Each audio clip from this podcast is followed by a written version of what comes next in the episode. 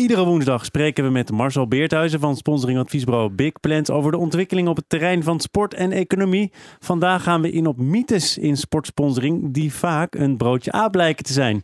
Marcel, welkom. Komen die mythes in de sportsponsoringwereld vaker voor dan ergens anders?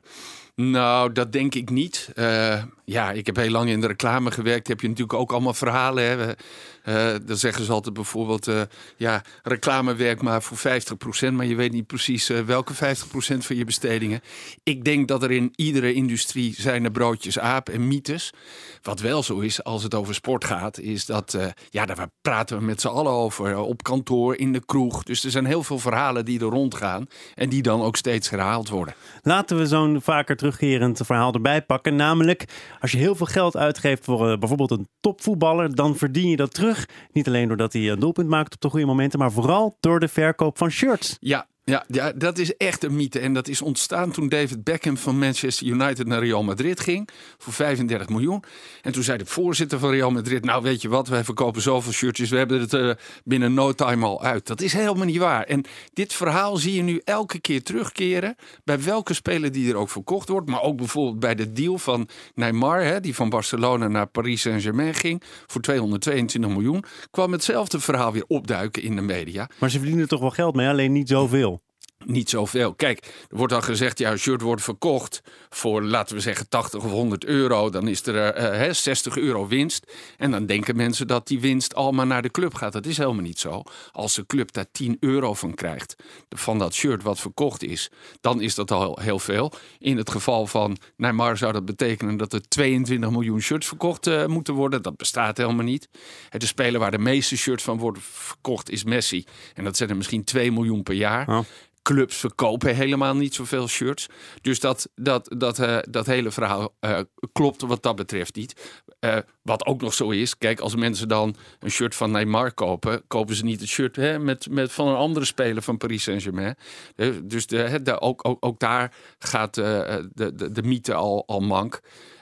Wat wel zo is, Ronaldo is een mooi voorbeeld die naar Juventus ging. Dan zie je natuurlijk wel dat de hele, hele club meer in de aandacht komt te staan. En dan zegt Adidas, uh, die de sponsor is van Juventus, die zegt dan ja, weet je wat, we hebben zo goed jaar gedraaid. Je krijgt een extra bonus Juventus, maar dat het transferbedrag wordt terugverdiend gewoon niet waar. Jij, noemt, jij noemt nu Adidas. Je kunt het ook hebben over uh, grote andere merken, zoals bijvoorbeeld Nike. Ja. Die bepalen uiteindelijk waar een voetballer voetbalt. Het moet goed uitkomen, persoonlijke kledingsponsoren en dan ook nog sponsor van een club. Dat is de perfecte match. Ja, dat, dat wordt ook gezegd. En het wordt zelfs ook nog gezegd van ja, en ze bepalen ook uh, uh, of, of, die, of die speelt ja of nee, waar die in de opstelling staat.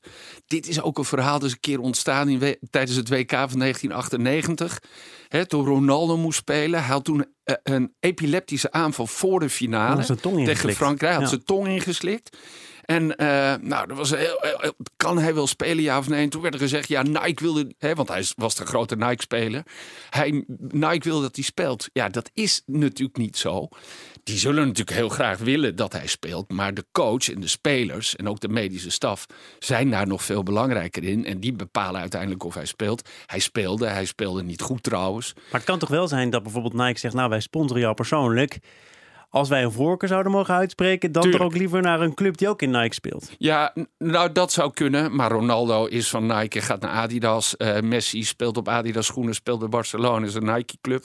Dus weet Tot je. Tot zover. Ja, ja. Zo, zo, werkt het niet altijd. Natuurlijk hebben die merken wel een voorkeur. Aan de andere kant, als er uit zou komen, bijvoorbeeld in het geval van Ronaldo, hè, de, de Braziliaanse Ronaldo waar we het net over hadden, dat Nike had gezegd hij moet spelen en daardoor uh, uh, verliest uh, Brazilië het wereldkampioenschap, dan zou het negatieve effect voor zo'n merk natuurlijk nog veel groter zijn. Er zou er schande over gesproken worden. Dan praat iedereen daarover. Dat risico willen merken ook niet lopen. We gaan van de internationale sterren even naar de eigen vaderlandse voetbalcompetitie. Uh, ze zijn allemaal gesponsord, hè? Ajax, Feyenoord, door bijvoorbeeld Ziggo, door energieleveranciers, echt de consumentenmerken. En als je je aan de een verbindt, dan gaan ze er bij de ander af. Een Feyenoord-fan zal nooit meer klant worden van, ik noem maar wat, Ziggo. Ja, dit is ook zo'n broodje aap. Ik heb dat van heel dichtbij meegemaakt, omdat ik Ziggo begeleide bij het sponsorship van Ajax. En toen werd dat gepresenteerd en Ajax, of de, de Telegraaf vond het niet zo leuk dat ze de scoop van dat nieuws niet hadden. En die vingen op uit social media dat er in Rotterdam wat mensen waren die hun abonnement opzegden van Ziggo. Althans, dat zeiden ze op social media. Dat werd een heel groot nieuwsbericht. En toen werd algemeen bekend, ja kijk eens, alle mensen lopen weg bij Ziggo en dat is een groot probleem. Nou, dat waren er iets meer dan 30 uiteindelijk. Uh, dat zijn die diehard uh, Feyenoord-fans uit 010, die alles wat uit 020 komt... 010 en 020, ja. belangrijk dat je je terminologie even aanpast. 010 en 020, dat, dus alles uh, wat uit 020 komt, eten ze dan niet in 010. Dus dat zijn de mensen die vliegen ook niet van Schiphol, omdat het Amsterdam is. Dat zijn de mensen die op het moment dat Kruif komt spelen bij Feyenoord hun seizoenkaart verscheuren.